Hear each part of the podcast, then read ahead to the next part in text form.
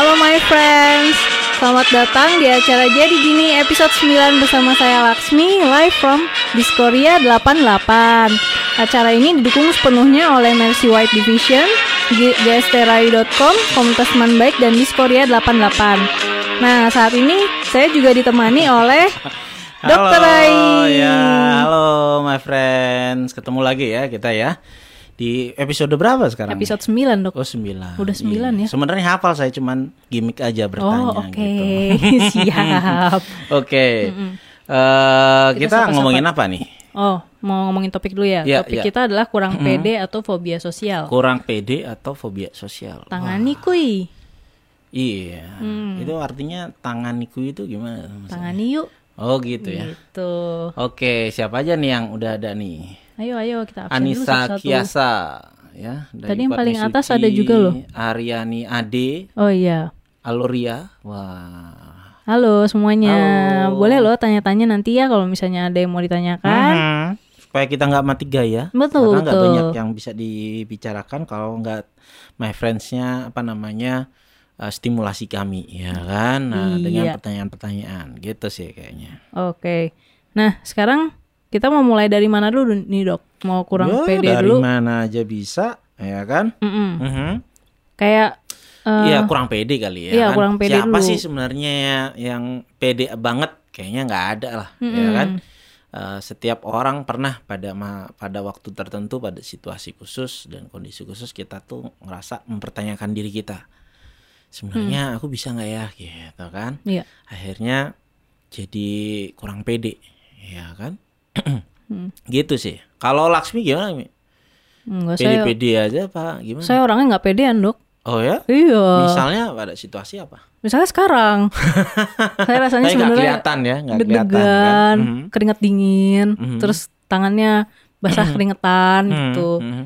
Itu kurang pede apa grogi apa fobia sosial tuh dok? Saya juga nggak tahu tuh dok. Waduh. Kayaknya cocok banget nih saya ngebawain iya, acara kita ini semua sekarang. kayaknya selalu eh, agak hobi menggunakan apa terminologi Hmm, Label ya label. eh, apa kesehatan eh, jiwa ya kan. Hmm. Wah ini namanya grogi aja kurang pede apa fobia sosial. ya kan? Hmm. Tapi gini gini.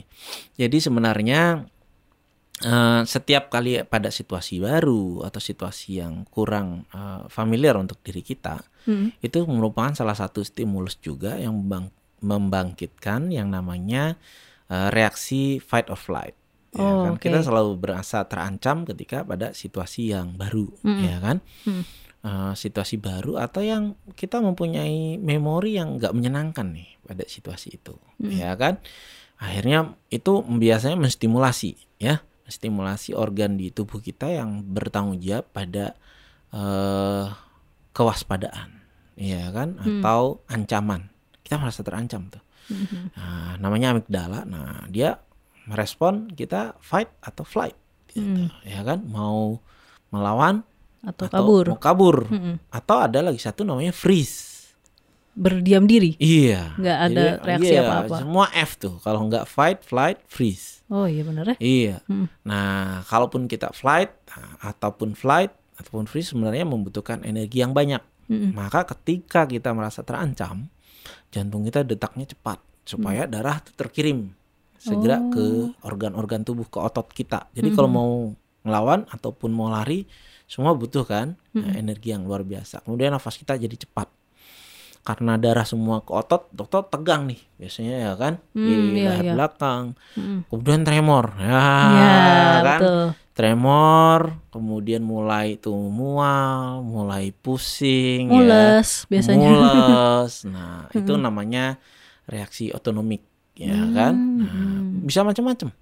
Bahkan yang eh, tanpa orang sadar ini mungkin ya, setiap eh, my friends di sini pasti dulu punya kenangan nih, punya temen yang gagap misalnya. Mm-mm. Jadi kalau dipanggil ke depan kelas, ah, kemudian ngomongnya agak tersendat, ya kan? Bahkan itu dijadikan komedi kan, sama Aziz Gagap, ya Iya. kan? Buat orang lain mungkin unik ya, tapi buat orang yang eh, mengalaminya itu luar biasa tersiksa loh. Nah, banyak orang merasa kemudian ya itu kan cuman kurang pede aja dia kerugian gitu kan. Mm. Bah- bayangkan nggak orang tuh gagap misalnya dari SD sampai SMP SMA sampai kuliah dibiarkan. Wah, Hmm. ya kan? Padahal sebenarnya kalau itu sangat mengganggu, sering terjadi berkelanjutan, ya kan, menetap itu bisa jadi sebuah gangguan yang perlu untuk mendapatkan penanganan gitu. Mhm. Ya, namanya macam-macam. Kalau dulu namanya fobia sosial. Oh gitu. Tapi kalau sekarang terminologi yang baru ya di apa namanya penggolongan ya dari sta- eh, dari gangguan psikiatri namanya adalah social anxiety disorder atau gangguan kecemasan sosial. Oh gitu. Jadi fobia sosial tuh udah nggak dipakai lagi sebenarnya namanya. Eh, kalau di Indonesia masih dipakai, Oh, di tapi Indonesia secara internasional itu sudah berubah jadi social social anxiety eh, disorder. Jadi Oh, oke. gangguan kecemasan sosial gitu. iya. Mhm. Nah kalau kayak kurang percaya diri sama grogi itu masuk ke bawahnya Ya mungkin kalau kita bisa itu? bilang kalau kurang pede, kalau kurang aja kan wajar bisa Hmm. kita latihkan dan sebagainya. Tetapi kalau ekstrim banget nih kurang pedeannya, Ya. barangkali ada hal lain yang melatar belakangi, ya kan? Hmm. Bisa saja gangguan kecemasan sosial ini gitu. Hmm. Nah kalau eh, pakai yang dulu ya fobia sosial itu dia hanya kejadian itu atau reaksi tubuh seperti itu ya rasa cemas disertai reaksi tubuh yang seperti tadi hanya muncul pada situasi sosial tertentu maka namanya fobia sosial Hmm. misalnya tuh kalau presentasi Mm-mm. kalau maju ke depan ya kan atau dia merasa menjadi pusat perhatian Oh, Oke. ya kan kalau dalam satu rapat disuruh komentar gitu semua orang melihat dia tuh baru mulai atau jadi pemimpin upacara ya Hmm, kan Iya iya. Atau misalnya kecenderungan pada situasi sosial yang lain misalnya berkencan ada juga kan Mm-mm. kalau dia kencan tiba-tiba oh, mukanya jadi merah Mm-mm. ya kan kayak kepiting rebus Iya. ya kan nah itu jadi bahan bercandaan Hmm. makin dipecandain sebenarnya akan makin muncul Dan makin karena parah kan ya. dia di pikirannya dia percaya wah saya ini eh apa namanya memalukan. Saya akan melakukan kesalahan Sa- Hmm. dia tuh takut jadi pusat perhatian. Kalau dia ketawain kan menjadi pusat perhatian lagi. Mm-mm. ya kan? Itu memberikan pengalaman yang tidak menyenangkan. Setelah itu dia akan antisipasi setiap kali mau. Pada situasi itu maka muncul gangguannya. Ya kan? Itu fobia sosial pada situasi sosial tertentu. Ada lagi yang mirip-mirip dengan itu. Mm-mm. Kalau uh, my friends di sini dan Laksmi pernah dengar soal agorafobia Iya iya. iya agorafobia Takut keramaian bukan sih? ah Beda lagi ya? ah, bisa diartikan begitu tapi yang lebih tepat sebenarnya dia takut sama open space Oh open space. iya Oh. Jadi tempat terbuka. Mm-mm. Makanya akhirnya kemudian takut keluar rumah. Oke. Iya kan? Biasanya open space itu rame kan pastinya. Ya kan? Jadi dia kalau bisa diam di rumah aja terus. Hmm. Ya kan? Ja- nggak berani keluar. Mhm. Nah, itu. Dulu kan ada juga kawan kita tuh yang bantu eh, teman-teman di rumah berdaya ya Mhm. kan? Ya. Cuci sepatu kan kisahnya begitu. Dia agorafobia nggak berani keluar rumah. Oh. Iya kan? Mm-mm. Kalau keluar rumah langsung rasanya kayak mual, muntah, ya. Oh, baru di ujung gitu. gang aja mau balik lagi. Oh, sampai Gitu. separah itu ya Iya, berarti ya? Tapi sekarang kan udah baik, buktinya bisa tuh pernah bantu buka. Mm. Kalau my friends di sini kalau yang ada di Denpasar di rumah berdaya di Jalan Raya Sesetan, Sesetan. ya, Mm. itu ada c- apa cuci laundry shoes laundry Mm-mm. ya dilakukan oleh teman-teman yang mengalami schizophrenia. Mm. Nah, itu dilatihkan tadinya oleh salah satu eh, teman ya survivor agorafobia tapi yang udah pulih. Iya, dia merayakan kepulihannya dengan begitu. Wah keren keren. Itu, Hmm. ya kan? Nah, di luar itu ada namanya fobia-fobia spesifik, Mm. cuman satu hal. Jadi fobia tuh jelas tuh yang memicu itu apa. Ya kan kalau tadi situasi, ada juga benda atau uh, apa namanya yang spesifik, ya kan? Jadi yang tidak berbahaya. Jadi nggak ada tuh fobia tsunami nggak ada. Oh iya. Karena umumnya orang takut Takut. dan cemas. Nggak ada tuh fobia singa nggak ada. Mm. karena umumnya orang takut ya kan?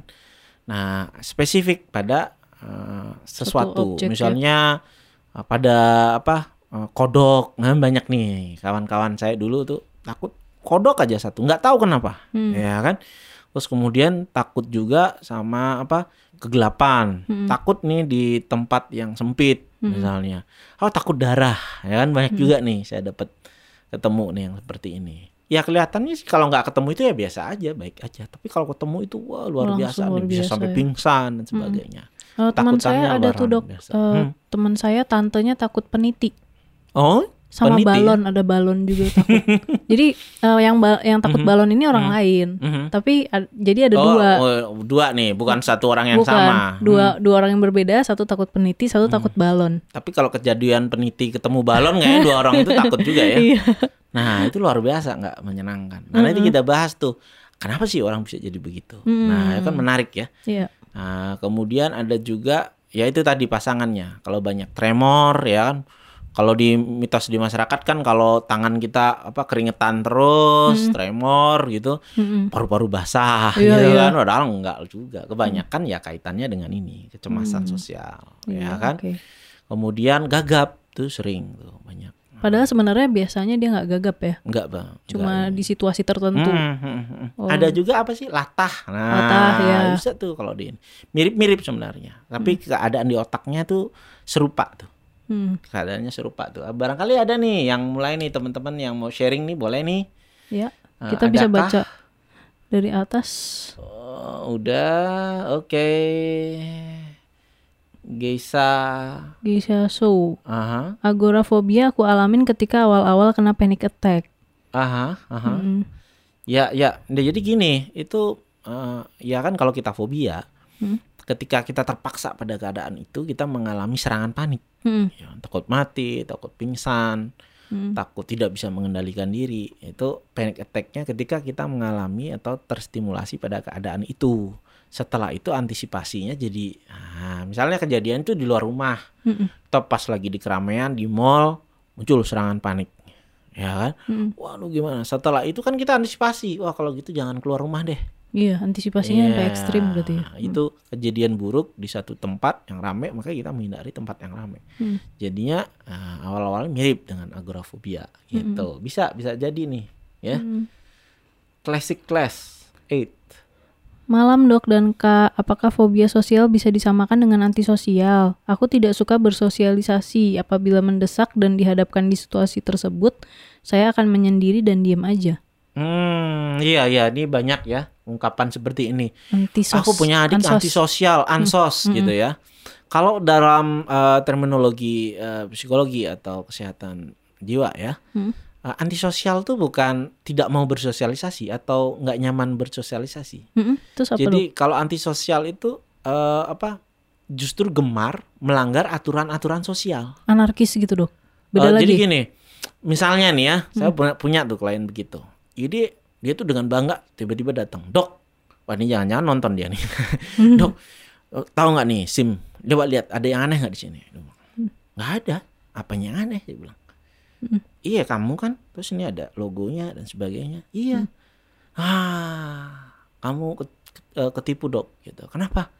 Ini palsu dok. Oh, Wow. dia bilang, oh, kenapa? Wah, ditunjukin ini fotonya saya buat. Jadi buat tuh eh, kayak kartu-kartuan gede. Nah, dia fotoan di depannya gitu Oh, kan. heeh. Dia mau malsukan. Saya bilang, kamu habis berapa tuh bikin papan gede ya kan? Iya. Dan sebagainya. Kalau dihitung tuh ternyata biayanya lebih besar daripada bikin SIM resmi. Oh, tapi dia punya Lalu buat apa? tersendiri kali ya. Iya, lalu buat apa? Ya keren dok ini gitu. Jadi dia memang hobi. Oh. bukan karena mendapatkan eh, apa keuntungan tersendiri enggak memang seneng dia melanggar jadi kalau keluar sengaja nggak pakai helm Oh. jadi oke. gemar untuk melanggar aturan-aturan sosial yang ada di masyarakat Oke. gitu jadi salah juga kan kalau bilang saya itu orangnya antisosial gitu Iya. yakin ya kan Iya, jadi iya. itu mungkin yang dimaksud kalau kita nggak suka situasi situasi pesta itu kan situasi sosial tertentu kan itu arahnya adalah kecenderungan untuk mengalami fobia sosial. Tapi kalau ya kadang kalau pesta nih temen-temennya enak, enjoy ya enggak gitu. Tapi kalau yang ini nggak suka, nah dan menetap itu bisa jadi itu itu sebuah gangguan fobia sosial atau yang sekarang dinamakan gangguan kecemasan sosial Oh, gitu. Oke, oke. Mhm. Sudah. Oh itu sambungannya nervous banget bawaannya pengen pulang. pengen Nah pulang ini jadi udah pengen flight ya. Iya, Kan Kalau iya, tadinya benar. freeze terus jadi pengen flight, Mm-mm. ya kan? Napsiah, napsiah apa nih? Panic attack membuat mental down. Dari agorafobia, takut kena penyakit apa saja, gelap dan lain-lain. Mhm. Panic attack membuat mental down dari agro. Oh ya, kalau secara umum ya kan kecemasan yang nggak jelas nih. Hmm. Kayak semua situ- situasi sosial bisa menyebabkan itu. Hmm. Dia arahnya bukan ke eh, ke sini nih, tetapi misalnya gangguan panik murni. Hmm. Jadi kalau pernah kejadian di angkot, dia besoknya takut di angkot. Hmm. Kalau di waktu di kantor ada AC, wah kayaknya saya nggak boleh di AC nih. Besoknya pas makan rujak, wah rujak nih yang bikin begini. Padahal sebenarnya tidak ada situasi khusus Hmm. yang menyebabkan itu. Tapi kemudian kita jadi mengantisipasi banyak hal. Hmm. Nah kalau itu berlangsung terus menerus, ya, gangguan panik ada. Di luar serangan panik itu dia baik-baik aja, nggak cemas, nggak nggak masalah gitu. Ya itu variannya. Tapi nanti kita bicarakan. Mungkin pengobatannya mirip, tetapi dalam artian obatnya mirip, tetapi untuk psikoterapinya ada perbedaan-perbedaan. Hmm. Dari Mega Ichi ya. Mhm. Selamat malam Dokter Rai, terima kasih rutin memberi edu- edu- eh, edukasi lewat live IG ini. Saya jadi berani ke profesional setelah mengikuti beberapa kali live IG dokter. Wah. Sehat-sehat untuk dokter dan teman baik. Wah, terima Wah. kasih. Syukurlah ya kalau Hmm. kemudian Megaichi eh, kemudian jadi nih terbantu, terdorong eh, untuk bisa nih eh, mencari pertolongan yang dibutuhkan dan mudah-mudahan segera bisa pulih ya kan? Iya. Aha. Apalagi Eh, nih? Glamdes ya. Ya, Dok, ya. saya social anxiety atau kenapa ya? Saya mau banget sosialisasi tapi saya takut ketemu orang. Waduh. Maksudnya gimana nih? Mau banget tuh berniat banget nih ketemu sosialisasi tapi takut ketemu orang. Nah, Tapi pas ketemu mungkin jadi nervous gitu kali ya. ini orang-orang tertentu kah? Mm-mm. ataukah ya tadi situasi sosial pokoknya orang rame gitu ataukah misalnya eh nah itu ada dasarnya nih. Nggak semua orang yang takut ketemu orang tuh kemudian jadi eh, agorafobia atau fobia sosial. Nggak juga. Tapi dasarnya apa? Iya. misalnya eh, perasaan insecure. Ah, kan? Jadi itu mirip juga nih. Pada orang fobia sosial juga mengalami ketika dia menjadi pusat perhatian mungkin tidak ada yang salah soal dirinya. Tapi ketika orang memperhatikan tuh dia takut. Hmm. Untuk ada yang salah nggak nih nanti di diri saya. Jadi orang yang mengalami ini fobia sosial tuh capek banget. Ketika dia di, di upacara bendera dia bisa nih jadi pemimpin, tapi energinya terkuras habis untuk menahan itu sepanjang itu tuh dia menahan semua perasaan nggak nyaman. Begitu selesai dia pengen tidur tuh pasti. Iya, tidur berjam-jam kali ya berhari-hari. Gitu, gitu. Ya. Jadi apa dulu nih yang kita mau nih sosialisasi? Berarti kita menye- eh, apa ekstrovert nih ya kan? Iya. ada keinginan ya kan? Menikmati hal semua itu ada kebutuhan tapi takut ketemu orang nih apa yang memicu? Apakah situasinya? Apakah kemudian orang tertentu? Bisa aja aku nggak mau ketemu ini deh mau ketemu ini. Ada yang dihindari ya. Ah, itu gitu ya. Mm. kemudian apalagi nih? Iya. IR Hah? Gimana kalau kita bercerita atau sebagainya dengan satu teman itu bisa heboh sekali walau di keramaian. Hmm. Sedangkan kalau didengerin banyak orang itu kayak suara yang dikeluarin sama isi hati dan otak itu beda. jadi jadi kalau misalnya jadi pusat perhatian justru eh, ini ya amburadul Iya, gitu ya. eh, eh, eh, eh. Jadi kalau kita nggak merasa diperhatikan, Malah itu kayaknya lepas, bebas, eh, lepas, bebas. ya kan? Ya sekarang bagaimana kita mengubah ya kan di dalam Hmm. diri kita untuk ya mau dihakimi mau enggak mau Hmm. nah, kita bisa tetap cuek ya kan. Tapi gini loh, eh, perhatian dari masyarakat, kemudian eh, apa komentar di masyarakat tuh eh, bukan sesuatu yang harus selalu kita hindari. Itu ada gunanya juga kan, ngasih ke feedback ke kita. Mm-mm. Sama aja dengan misalnya komik nih, lagi pentas stand up komedi, garing banget kalau nggak ada penontonnya. Kita Iya. nggak tahu komentar orang tuh seperti apa, ya kan? Kadang itu bagus, nggak semuanya benar, ya kan? Tapi kita sendiri yang memilah. Hmm. Oh dia bilang aku cerewet, cerewet nggak sih? Ya kan itu penting banget nih buat kita mengevaluasi diri. Oh mungkin maksud dia itu cerewet tuh nggak ada yang bagus juga kan? Mm. Nah, mengisi ya kan kalau penyiar radio tuh butuh yang begitu tuh misalnya Iya. cerewet. ya Kalau kan? diam aja garing. Nah, itu. Jadi itu bisa jadi feedback loh buat kita. Mm. Nah, kemudian untuk memperbaiki diri. Tapi jangan semuanya kita dengerin, ya kan? Kita harus saring juga. Oh, ini enggak kayaknya. Saya enggak setuju nih. Nah, kan? Kalau ini kayaknya ada benernya nih. Nah, ini saya perlu nih supaya kita lebih optimal gitu, ya. Ah, kemudian Maya Adlam. Kalau aku dulu kalau aku dulu jadinya pecandu obat-obatan untuk avoid panic attacks dan lack of confidence. Oh, di bawahnya dia nerusin. Oh iya iya iya iya. Nah ini eh bahasan yang menarik nih, bahasan menarik. Seringkali orang merasa itu bagian dari pribadinya saja. Mm-mm. Ya kan dengan saya kerugian gitu kan bahasanya kan. Tapi kerugian tiap hari, tiap situasi itu dan sebagainya ya kan. Kemudian untuk meningkatkan rasa percaya diri karena kita nggak tahu, ada teman-teman yang nawarin. Hmm. Iya Eh kan. pakai ini iya, aja. pakai ini aja nih. Kan banyak tuh musisi nggak confident kemudian pakai Demam panggung mungkin ya. ya orang-orang performance itu pernah loh ngajak menghadapi kejadian-kejadian buruk misal saat tampil yang komedian nggak garing ngebom Hmm. lah kan Ya, kalau musisi kemudian bikin kesalahan dan sebagainya Hmm, kemudian dia takut nih jadi untuk eh, apa menumbuhkan confidence-nya lagi dipakai Hmm. supaya lupa. Nah mungkin kayak berhubungan main di atas. Supaya yang merasa tidak diperhatikan sama orang. Ya kan? Merasa pede.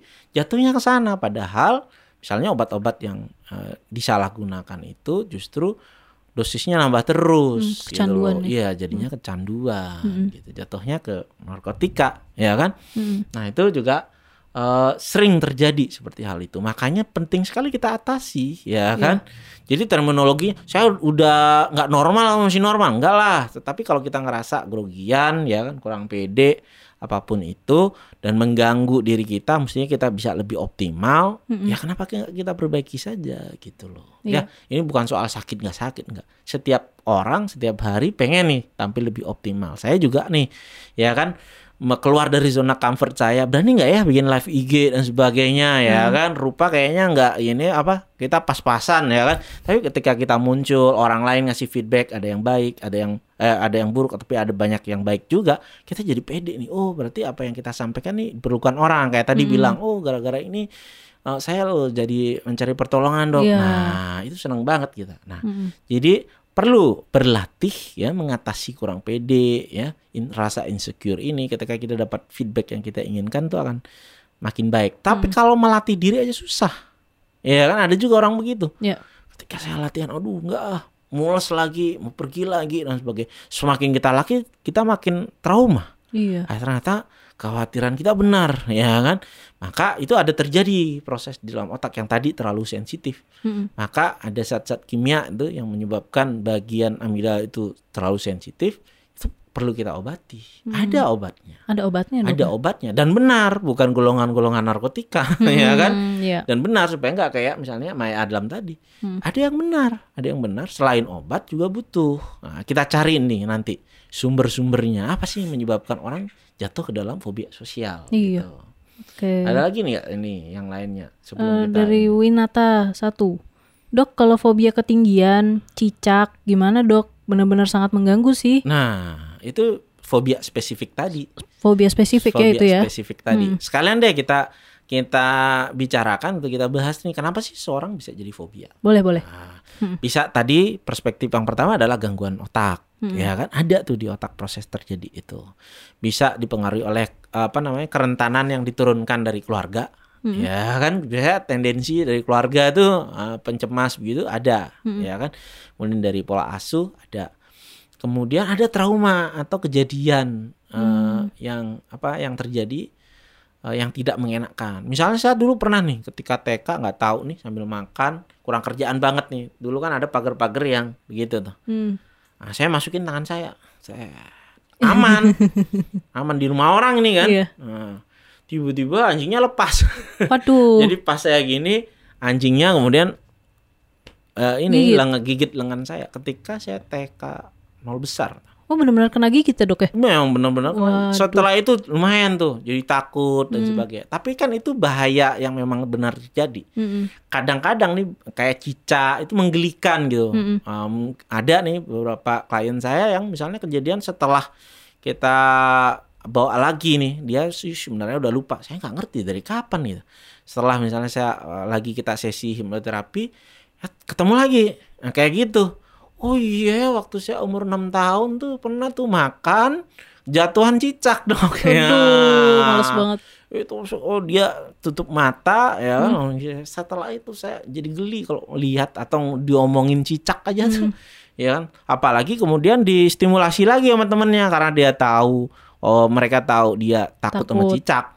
Jadi setiap di jalan, eh tuh cicak, wah Itu ya kan, jahat jadi histeris orang-orang kayak banget. gitu ya. nah itu menstimulasi lagi. Heeh. Amigdala kita makin sensitif tuh. Buat kita orang mungkin menyenangkan, tapi buat ini tuh sangat mengganggu. Jadi ah, itu kalau mengganggu banget dan kita ingin nih menghilangkan itu, itu juga bisa. Jadi ada caranya selain obat tadi juga misalnya dengan eh, cara-cara desensitisasi misalnya. Oh, ada. Jadi ya? sedikit demi sedikit. Hmm. Nah, jadi saat kita santai ya kan dalam sesi psikoterapi kita ngomongin cicak dulu. Ngomongin oh cicak itu ekor bisa lepas ya. Nah, sebenarnya waktu kita membicarakan kan kita membayangkan. Nah, lama-lama gambarnya. ya. Ini takut cicak juga Enggak nih. sih, enggak Nah, ada binatang lain ya, tapi gambarnya.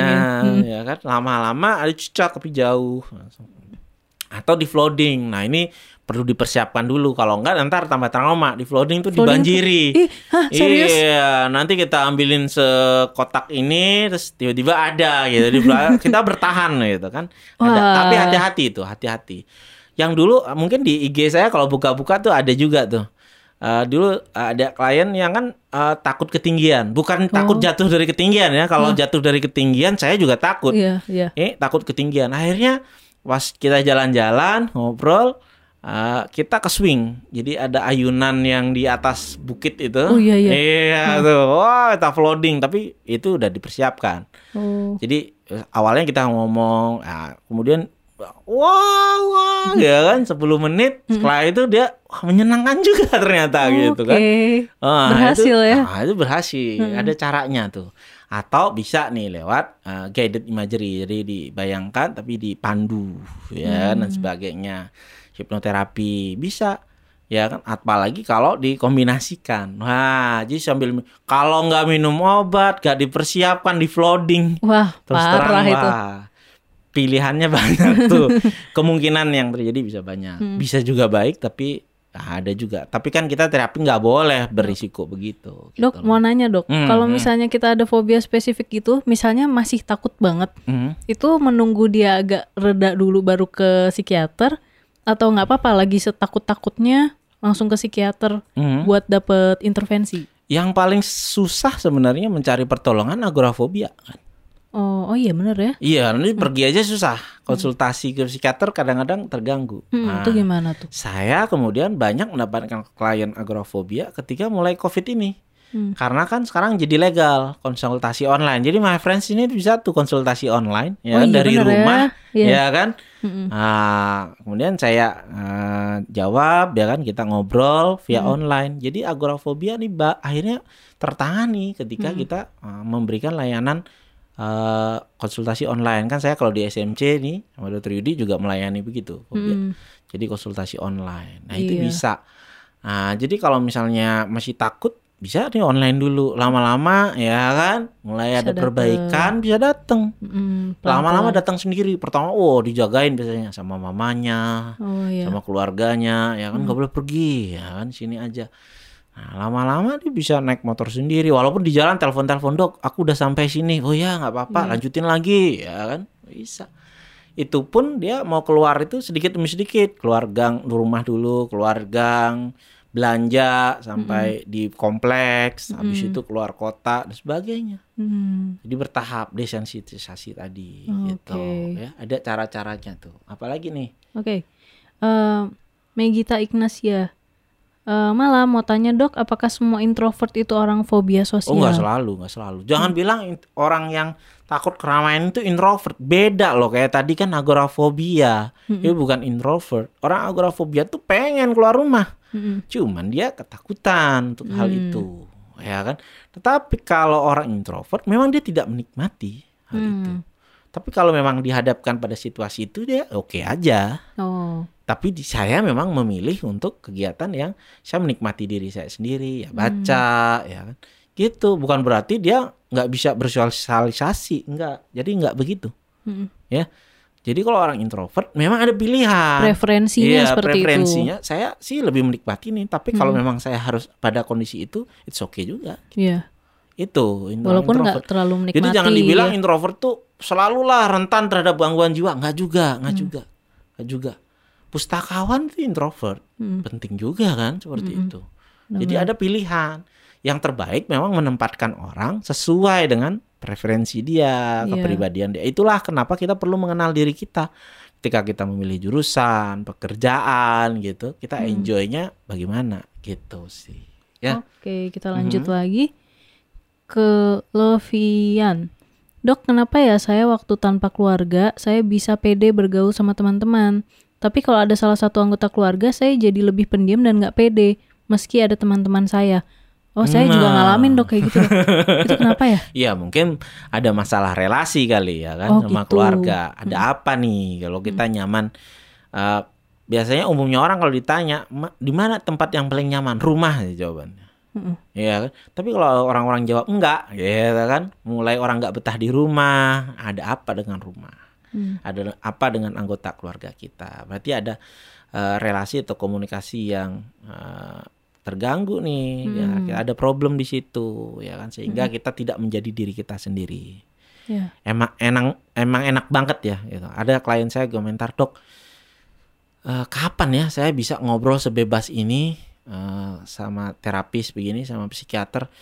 Kapan ya saya bisa ngobrol seperti ini dengan orang tua saya gitu? Hmm. Eh, pasti enak banget gitu. Hmm. Ya kenapa enggak? Saya bilang. Ya, mungkin ada hal-hal yang lain. Kita takut feedbacknya.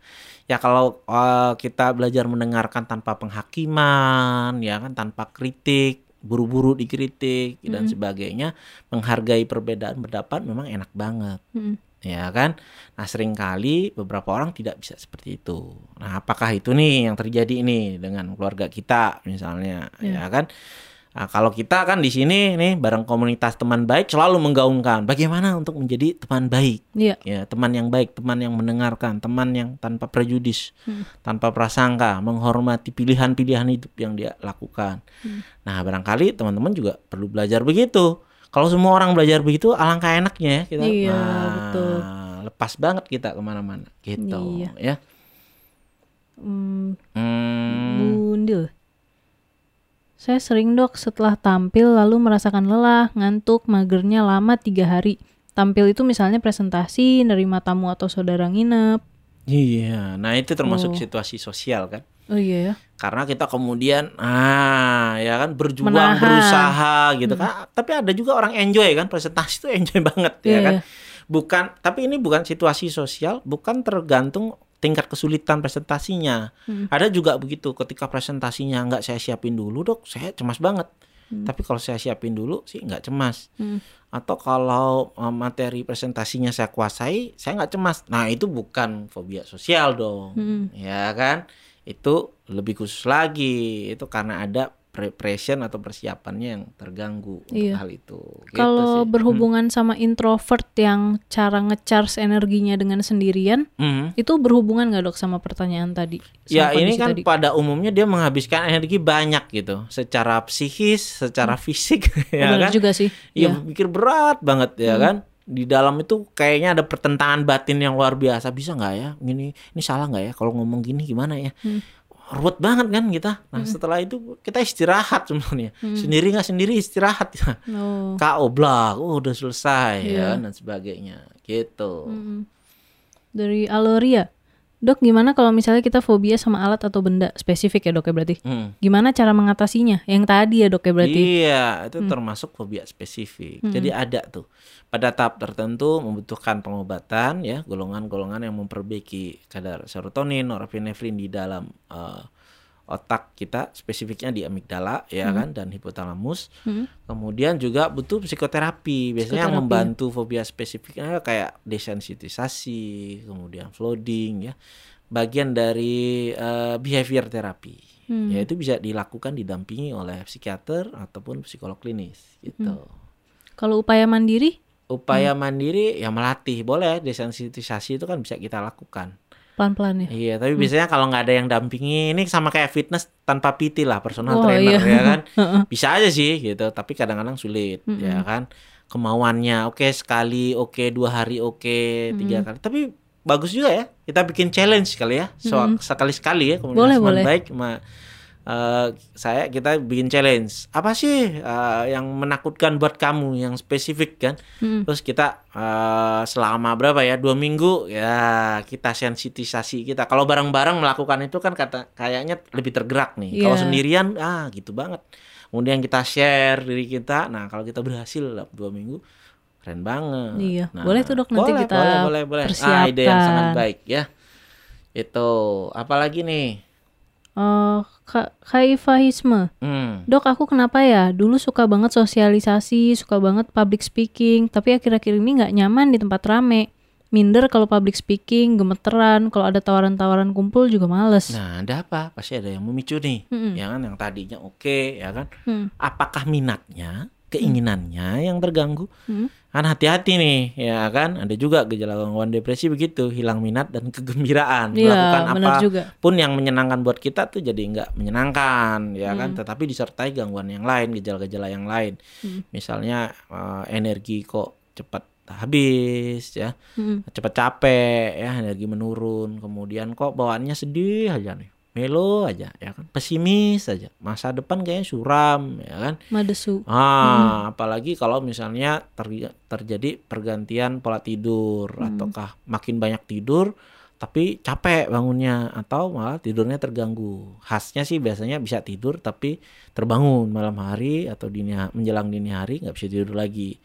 Nah, kemudian ah, gangguan makan juga jadi terlalu meningkat keinginan makan atau malah menurun, gitu. Mm-mm. nah itu hati-hati tapi bisa juga hal hal ini tapi sebaiknya jangan self diagnosis Iya. Iya kan? Mm-mm. Nanti kalau orang ngomong fobia sosial kayaknya saya fobia sosial. Besok Iya, jadi jangan. gini ngomongin depresi kayaknya depresi saya. Semuanya lama-lama Besok bipolar, diborong. wah saya bipolar juga nih. Ah, Skizofrenia enggak. Iya. Ya, Iya. mudah-mudahan kayak tadi nih terdorong untuk mencari pertolongan dari situ ah, bisa mendapatkan. Jadi bukan vonis ya. Mm-mm. Saya dapat vonis begini, wah seakan-akan hakim enggak. Nanti kita diskusikan, oh kayaknya ini nih problemnya. Nah, kita mau mengatasi dan sebagainya. Gitu. Iya, siap.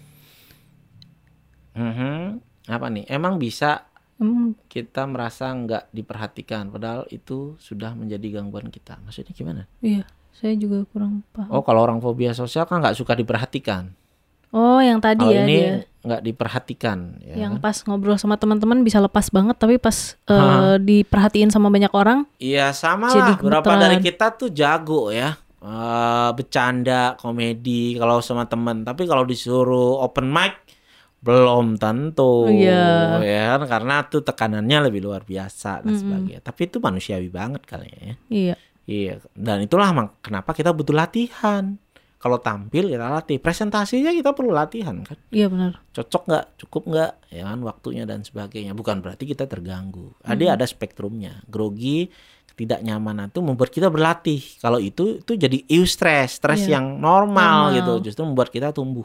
Mm-mm. Tapi kalau kemudian kita nggak bisa menghadapinya dengan baik, justru makin menghindari. Wah, setiap kali kita ini maju sih, cuman uh berat banget ya kan, dan sebagainya. Dan itu menetap, ya tentu itu harus kita bantu ya Hmm. kan, bisa dipulihkan. harus gitu. ditangani itu Hmm.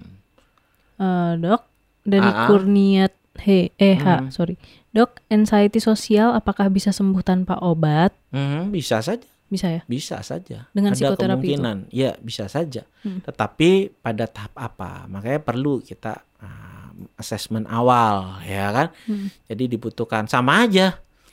Kurus mau diet nih kurus bisa nggak? Nggak usah pakai olahraga, ngurangi makan aja. ganti pola makan gitu misalnya Oh, ngurangi aja lah gitu. Ngurangi aja. Kalorinya bisa nggak? Bisa. Bisa. Cuman berat, Mm-mm. dia kan dietnya mesti ketat banget dan waktunya lama. Mm-mm. Kadang-kadang misalnya untuk kurus bisa tiga bulan, kita baru dua minggu aja udah patah semangat, kayaknya nggak ada perubahan. Mm. Iya kan menderita iya perubahan nggak ada gitu ya kan? Bisa sih kan ada cu- cukup tapi seberapa banyak? Mm-mm. Ah, mampu nggak kita? Ya kan? Atau dibalik deh jangan begitu. Bisa nggak dok? Eh, social anxiety ini pakai obat aja sembuh. Nggak usah lah psikoterapi. Ya nggak usah latihan apa-apa. Minum obat aja bisa nggak sembuh? Bisa tapi sama. Berat ya. Kalau dibalik tadi bisa nggak nih? Saya nggak ngurangin makan. Olahraga aja bisa kurus nggak Bisa, tapi tapi- olahraganya berat, intensitasnya ini Iya. lama juga per- perubahannya belum tercapai kita udah nyerah duluan. Iya. Jadi saya selalu menyarankan kalau untuk tingkat keberhasilan yang lebih baik ya pasti kita kemudian mengkombinasikannya. Dan jangan pill shaming loh ya kan. Seakan-akan kalau minum obat tuh memalukan dan sebagainya. Ini sesuatu yang eksis ada loh di otak kita.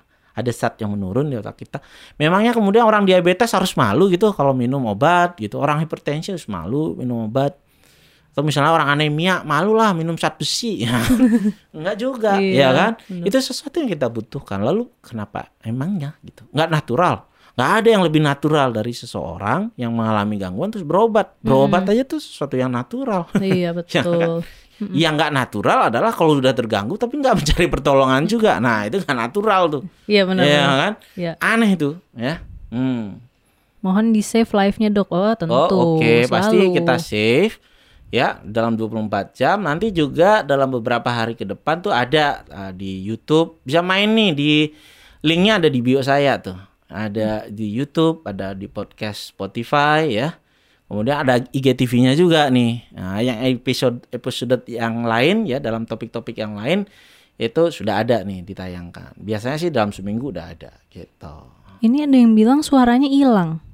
Oh ya? Enggak ya? Oh nggak ada, Aman ya? Eh, ada, ada kok. Wah, yang Oh. lainnya ah, aman saya ya. Aman, aman. Di atasnya masih ada yang Tadi, kelewatan. Heeh, tadi ada yang nanya di atas. Ya, ya, Bang. Di atas ada yang kelewatan tuh pertanyaannya. Bapak operator. Iya. Oh ini nih hancur. Nah, agar mental kita kuat dan tidak drop ketika menghadapi masalah terberat dalam hidup. Misalkan kehilangan seseorang dan bikin kita benar-benar hancur. Agak out of topic ya dok ya sebenarnya. Iya, tapi nggak apa-apa lah. Nggak apa kita bahas aja. ya. Oh iya. Jadi gini nih, sering tuh orang, wah saya hancur berarti nggak kuat dan sebagainya. Hmm. Kalau saya sedih berarti saya nggak kuat, ya kan? Emang kita hidup harus gembira terus? Ya Gembira enggak. Hmm. terus enggak? Bahagia iya. Beda loh antara gembira sama bahagia, ya kan? Iya. Nah, misalnya nanti kalau kita kehilangan, ya kan? Psikiater juga manusia, saya juga pernah kehilangan kan? Kehilangan orang, kehilangan barang yang kita sayangi, ya kan? Kehilangan momen-momen atau situasi yang harusnya kita bisa dapatkan, ya. Lalu bagaimana kita bisa menerima itu? Ya sebenarnya kan kuncinya dalam hidup ya, bukan saya orang ngomong sebagai orang yang paling berhasil dalam hidup enggak. Yang selalu saya latihkan pada diri saya adalah cuma tiga hal sebenarnya yang bagaimana kita punya kemampuan berlatih untuk mengubah hal-hal yang bisa kita ubah. Tapi kalau kita ketemu hal-hal yang tidak bisa kita ubah, gimana sih kita punya kemampuan eh, berlapang dada menerima da- atau memaklumi hal itu. Ketiga sebenarnya punya kebijaksanaan untuk memisahkan yang mana yang satu, yang mana yang dua. Ya kan? Tugas kita cuman itu. Nah, misalnya kehilangan orang, ya kan? Ya kayaknya di luar kendali kita deh. Gak ada yang bisa kita ubah deh tentang kejadian itu. Ya betul. kan? Time tracks belum ada, ya kan? Pembekuan nah, itu baru film-film di Hollywood, ya kan? Maka yang bisa kita ubah adalah bagaimana berlatih memaklumi, ya kan? Respon kita yang kita ubah. Bahagia itu datang kan bukan harus selalu memiliki apa yang kita inginkan, tapi juga bisa menginginkan apa yang kita miliki. Cie, Iya. gitu, Iya, iya. ya kan? Ngomong sih gampang, tapi itu harus kita latihkan setiap Iya. hari. Bagaimana itu? Yang pertama adalah bisa menerima perasaan selalu selalu. Validasilah perasaan kita. Kalau sedih nangis aja. Hmm. Kalau cemas ya bicarakan kecemasanmu. Ya, kalau takut lalu cari tahu apa sih yang saya takutkan, ekspresikan. Kalau kesel, ya kan, Iya. keluarkan. Ya, mau lewat tulisan, mau lewat gambar. Wah ini perasaan saya. It's okay kita manusia. Kalau kita tahan, tambah lama lewatnya. Mm-mm, benar. Ya kita munculkan. Kemudian kita mulai cari tahu, kita pahami ya sebenarnya apa yang terjadi. Setelah kita kita terima bagian itu kita bicarakan sama teman baik, ya kan upaya mandiri. Mm-mm. Siapa nih teman yang kita percaya kita bicarakan nih saya punya problem seperti ini dan sebagainya, ya kan? Ya. So kita mendapatkan apa nih yang saya bisa lakukan. Oh oke ini bukan sesuatu yang dalam kendali saya nih. Saya harus belajar memaklumi. Ya caranya mungkin ada yang belum selesai urusan unfinished business, ya kan? Kita tiap malam kan, ah, tiap ah, am, minggu malam ya, Tiap minggu selalu malam. ada tuh empty chair series. Iya. Teman-teman kalau hubungannya sama unfinished business tuh, ya kan? Iya. Bisa tuh berlatih ke situ, ya kan? Kita paradigma bukan sak ini sakit normal nggak normal sih. Itu udah zaman old tuh, ya kan? Tapi ini apa nih hal-hal yang bisa kita optimalkan dalam diri. Kalau urusannya unfinished business itu kita ke sana. Nggak ada orang yang selalu bisa melewati ujian terus. Nggak ada orang kumulat kayaknya pernah juga remedi ya. Mm-mm. Ya nggak bisa terus-terusan. Ya kan baik. Nah itu juga kalaupun pernah gagal bukan berarti kita nggak kuat.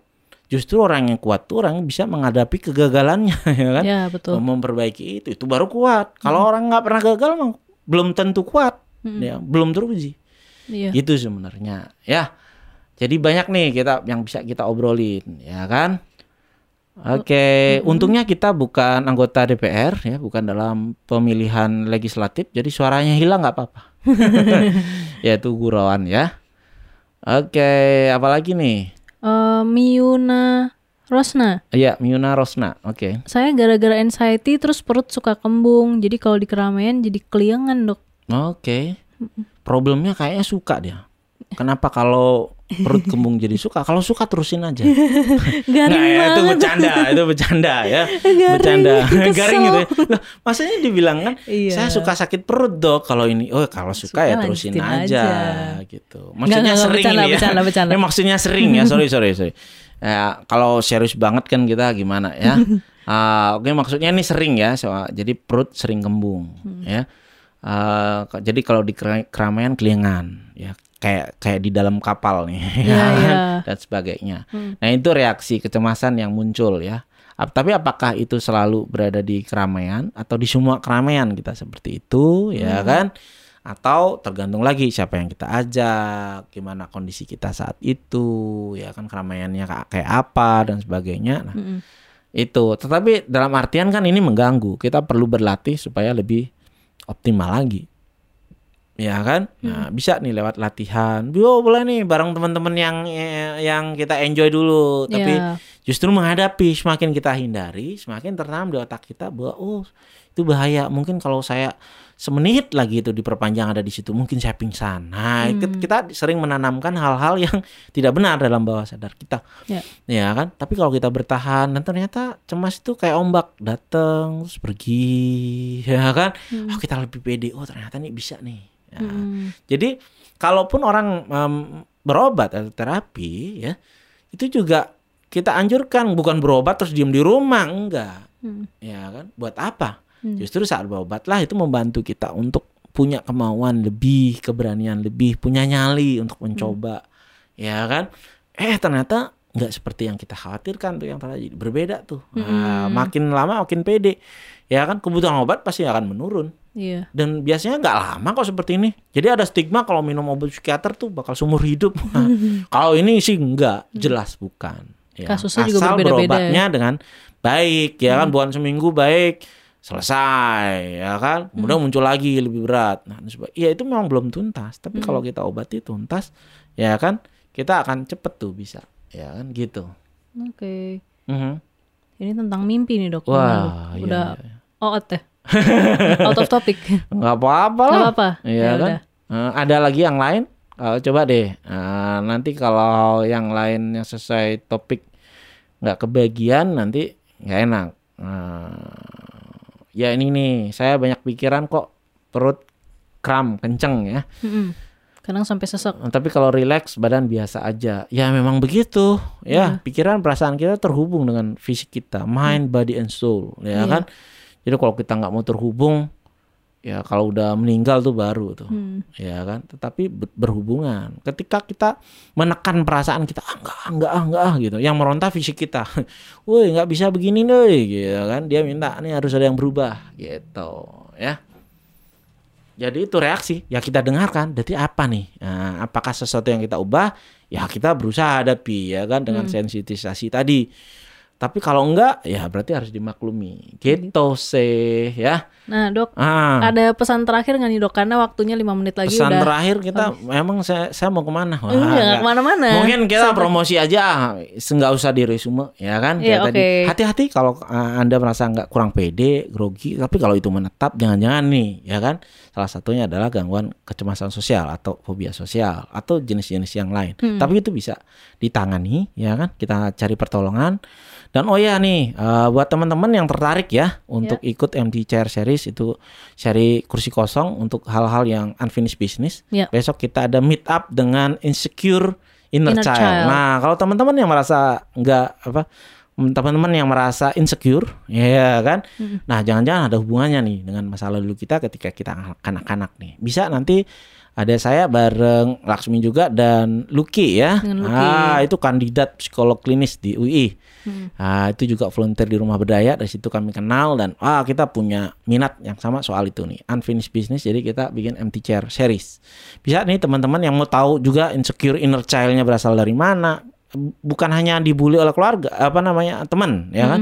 Tapi bisa juga terlalu dikritik nih mamanya gitu terlalu mengkritik papahnya apa-apa dikit "Ah, ini nih ini ini ini sebagai lama-lama terbangun child kita itu bisa ikuti itu Iya. kegiatan itu Itu berhubungan sama bullying ya dok ya? Iya, Dan- iya. Atau misalnya teman-teman yang ini juga art terapi seneng nih, ya kan pemulihan bu- boleh harus pakai obat nggak? Nah, kalau yang eh, pengen nih eh, berkesenian eh, sekaligus pemulihan itu ada Sparta, ya kan? Ya, Itu acara juga di YouTube Diskoria 88 atau di komunitas teman baik, ya. tuh. Gitu. Oke, terima kasih my friends yang udah nonton dan melayangkan pertanyaan. Kalau misalnya masih ada pertanyaan, boleh DM Dokter Rai langsung. Nanti bisa dibalas satu-satu atau di komen-komennya juga boleh. Nah, makasih Dokter Rai Mhm. karena udah isi acara ini seperti biasa. Dan acara ini didukung sepenuhnya oleh Mercy White Division, gstrai.com, komunitas teman baik, eh, dan Diskoria 88. ada ini ya back sound ya. Masa masa opening doang kan? Iya, Nah, betul, betul. Kita Harus ngomongin ini juga. ini juga ada loh di etim ini, ya kan? Episode di, di TV itu. Itu pemerannya tahu nggak yang yang paling gede, ya kan? Emasnya banyak, BA Oke. Barakus. Hmm? Itu kan takut ketinggian. Oh, Jadi iya. mana-mana nggak berani naik pesawat. Jadi Oh. teman-temannya di- ngerjain dia. Terus dia naik apa Ah, ke mana-mana? Iya, jadi dipingsanin dulu, Oh. dibius dulu, dipukulin dulu, baru diajakin. Tapi ya kalau terapinya ada, masa kita mau jadi kayak BA Barakus? ya kan dan fobia itu bisa dialami siapa aja. Orang yang kuat kayak BA bisa ngalamin hal itu gitu. Iya, nggak pandang bulu ya. Iya, tapi kelihatan banget ya umur saya ya. Iya, kan? Tapi benar. apa? Kita di Sukuriani 80-an. ya kan? Jadi kita selalu nampilkan eh, apa ya? eh, tayangan-tayangan ya Pop kan. culture 80-an. Iya, jadi kalau anak-anak milenial nggak tahu perlu nih nonton ini nih. Perlu Keren tahu, di zamannya, iya. ya kan di Etim. Ada Hannibal Murdoch. Wah, saya kelihatannya gini banget ya. Iya. Ah. Kelihatan banget kalau fans berat nih kayaknya. Oke Gitu, deh, my oke. friends semua, terima Hah? kasih. Ya, mari kita nikmati ya. Jangan lupa ikut Zoom besok malam. Oke. Ya, bye, bye-bye. my friends. Bye bye.